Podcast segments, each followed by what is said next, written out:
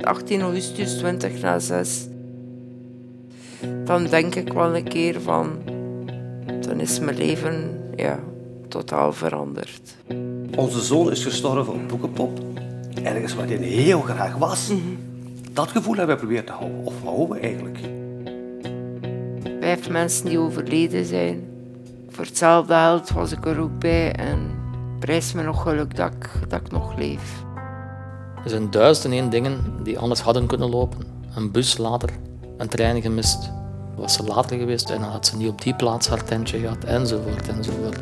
Het is niet allemaal meer zo rauw, maar het blijft wel pijn doen. Ja, op het moment dat ik in de zetel ga zitten, eh, dan is het nog altijd moeilijk. En dan helpt natuurlijk eh, dat je, zoals ik het wel eens zeg, eh, een hele grote groep van slechte vrienden hebt die je overal mee naartoe vragen. Radio 2.